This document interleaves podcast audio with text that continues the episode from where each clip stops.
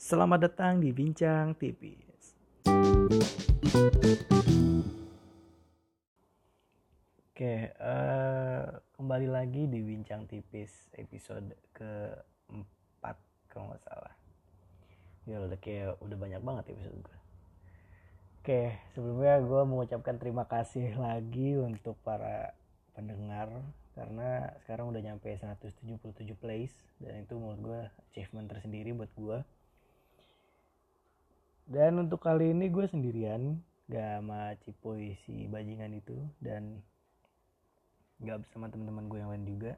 Karena di sini gue pengen cerita dikit aja tentang beberapa hal yang baru banget terjadi hari ini. Yang pertama adalah ada tetangga gue yang baru banget kecolongan. Dan kecolongannya itu tuh pakai motif lama gitu yang hipnotis tau gak tapi bukan yang tepuk pundak. Gue nggak paham gimana teknis hipnotisnya cuman ceritanya ada orang datang ke rumahnya terus ngetok bilang kalau misalnya dia itu partner bisnisnya. Dan setelah itu dia ngambil motornya gitu aja gitu. Terus bilang saya tunggu di depan kelurahan ya gitu. Terus ya udah hilang gitu aja si orangnya. Dan yang tetangga gue ini dia diem pelongo aja gitu di depan kelurahan di depan kantor kelurahan diem bengong terus lingak linguk lingak linguk nah uh, gue tuh kasihan sebenarnya karena si tetangga gue ini baru banget lunasin motornya. Lu bayangin deh baru banget lunasin motornya itu kan kredit ya nyicil. Dan si tetangga gue ini baru banget lunasin motornya tapi kejadian dicolong apa ya? Gila loh. Lagi pandemi kayak gini mau orang mana pun tuh lagi kesusahan dari artis sampai orang yang nggak terkenal sama sekali. Lagi kesusahan semua orang-orang tuh. Nggak ada yang nggak kesusahan. Kecuali orang-orang yang udah tajir melintir yang udah nggak usah mikirin duitnya berapa itu baru nggak apa-apa udah colong. Ini orang yang pendapatannya juga nggak seberapa gitu. Lu colong juga gue gila waduh gila sih ini udah main hati nurani sih sebenarnya. Ya gue nggak bilang kalau misalnya nggak pandemi lu boleh nyolong ya maksud gue kalau misalnya emang hobi lu udah nyolong nih passion lu tuh udah nyolong lu udah kayak lu lahir tuh untuk menjadi pencuri untuk menjadi maling untuk menjadi jambret ya seenggaknya tahan lah pas pandemi gini gitu. Karena orang tuh juga susah nyari duit orang tuh susah nyari penghasilan buat nyari makan keluarganya itu orang tuh susah sekarang. Semuanya mau, mau siapa pun itu karena kena dampaknya. Di please lah gitu. Ya emang sih kita tuh nggak bisa ngilangin kejahatan sampai nol di dunia ini karena ya kalau kata orang-orang mah balance is all thing gitu. Asik ya tapi gak gitu juga gitu. Ya walaupun kita ngilangin kejahatan sampai nol tuh ya emang suatu hal yang mustahil karena bakal ada kejahatan lagi untuk menyeimbangi dunia ini tuh emang emang kayak gitu kerjanya. Tapi lu jangan kayak gitu juga lah gitu. Kasihan gitu. Gue tuh kayak wah gila sih ini orang bener-bener deh. Parah sih ngaco. Terus juga untuk untuk Indonesia tuh sekarang lagi parah ya. Gue gue gak ngerti lagi. Udah no comment sih sebenarnya gue sama Indonesia tuh. Gue bukan pengen ngebahas yang kasus yang lagi rame saat ini yang penjara satu tahun itu enggak karena dengan kita ngomongin pun itu nggak bakal selesai gitu masalahnya. Mau kita terus ngomongin di belakang orangnya juga percuma. Bahkan sampai kita ngomong di depan kupingnya gitu nggak akan berubah apa apa juga karena emangnya udah ya kayak kenang yang, yang, yang kayak waktu itu gue mau kenang ngomongin atasnya udah rusak bawahnya rusak.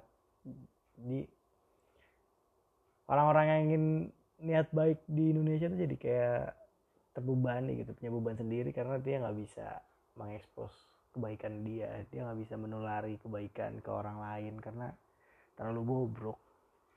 Ya udah gue gue nggak mau bahas terlalu dalam lah situ terus yang selanjutnya pengen gue ceritain adalah mungkin topik yang nggak orang banyak suka tentang kucing gua. Dia emang emang hari uh, udah berapa bulan ya? Udah hampir jalan mau sebulan kayak iya udah mau jalan sebulan. Sebenarnya kucing gua sakit kencing batu. Itu udah dirawat segala macem udah gua ngabisin duit lumayan banyak juga biar nyembuhin nyembuhin kucing gua. Dan ternyata hari ini kan gue punya empat kucing. Satu kucing yang dibebasin tiga kucing yang di kandang dan ternyata salah satu dari kucing gue yang di kandang ini juga kena kencing batu. Itu gue kaget sih karena wah gila. Yang selama ini gue kira sehat-sehat aja yang selama ini gue kira aman-aman aja nyata kena penyakit juga. Nah yang gue pengen himbau di sini adalah kepada kalian-kalian yang emang cinta kucing. Atau atau jangan kucing doang deh. Cinta makhluk hidup gitu. Yang melihara makhluk hidup atau bahkan yang baru pengen melihara makhluk hidup. Gue saranin please banget lu ambil semua konsekuensi yang ada. Karena dengan lu mengambil keputusan lu pengen melihara itu ya lu tuh udah ngambil resiko kalau misalnya lu nerima konsekuensi yang bakal datang ke lu gitu. Karena ini kalau misalnya dari kucing ya ini gue gue gue mungkin bukan orang ahlinya tapi ini based on experience gue tuh nggak bisa nggak salah-salah nyara kucing. Udah gue rasain karena awal dari kucing gue kena masalah kencing batu ini karena gue uh, keluarga gue salah-salan ngasih makannya. Kayak soalnya mikir ya lah kucing kampung ya udahlah biarin aja seenggaknya dia udah dikasih makan aja udah enak gitu udah kenyang aja udah tenang gitu. Pikir kita kayak gitu dulu. Jadi kita ngasih makan kucing gue yang kampung ini pakai makanan kiloan yang ada di pasar yang nggak jelas asal usulnya. Ya, soalnya kita mikirnya kayak ini mah lebih baik daripada ikan gitu seenggaknya. Gitu. Udah udah running setahun untuk untuk makan makanan itu ya kita pikir nggak ada masalah kan gemuk gemuk aja gitu dan ternyata tiba di suatu ketika dia nggak bisa kencing. Dan sekalinya kencing tuh berdarah sambil ngeong gitu kesakitan gue kayak wah gila kasihan. Dan ini udah ya ini ini lebih parah tuh sampai gue bener-bener sampai keluarga gue tuh sampai yang bawa dia ke rumah sakit ditarik lagi terus segala macemnya udah diinin. Dan perawatan pasca itu pun susah. Jadi setelah diobatin itu makanannya harus lu ganti harus lu kasih obat. Kalau misalnya dia nggak mau minum lu harus kasih minum pakai suntik.